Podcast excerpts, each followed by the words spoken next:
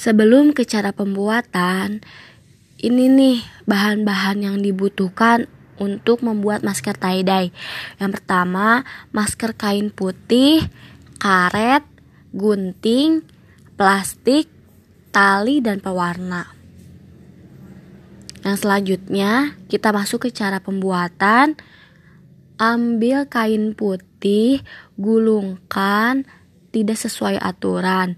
Lalu, ikat dengan karet sekuat-kuatnya.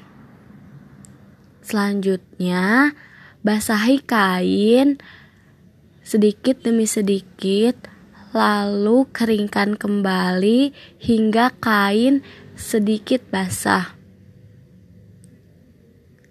Setelah kain diberi air dan dikeringkan, beri warna pewarna yang kalian inginkan sedikit demi sedikit untuk mewarnai kain tersebut. Setelah kain diberi warna, kain siap dijemur dan tunggu satu jam untuk hasil yang maksimal. Ingat ya, dijemurnya di terik matahari yang panas. Nah, jadi deh maskernya. Bagus kan?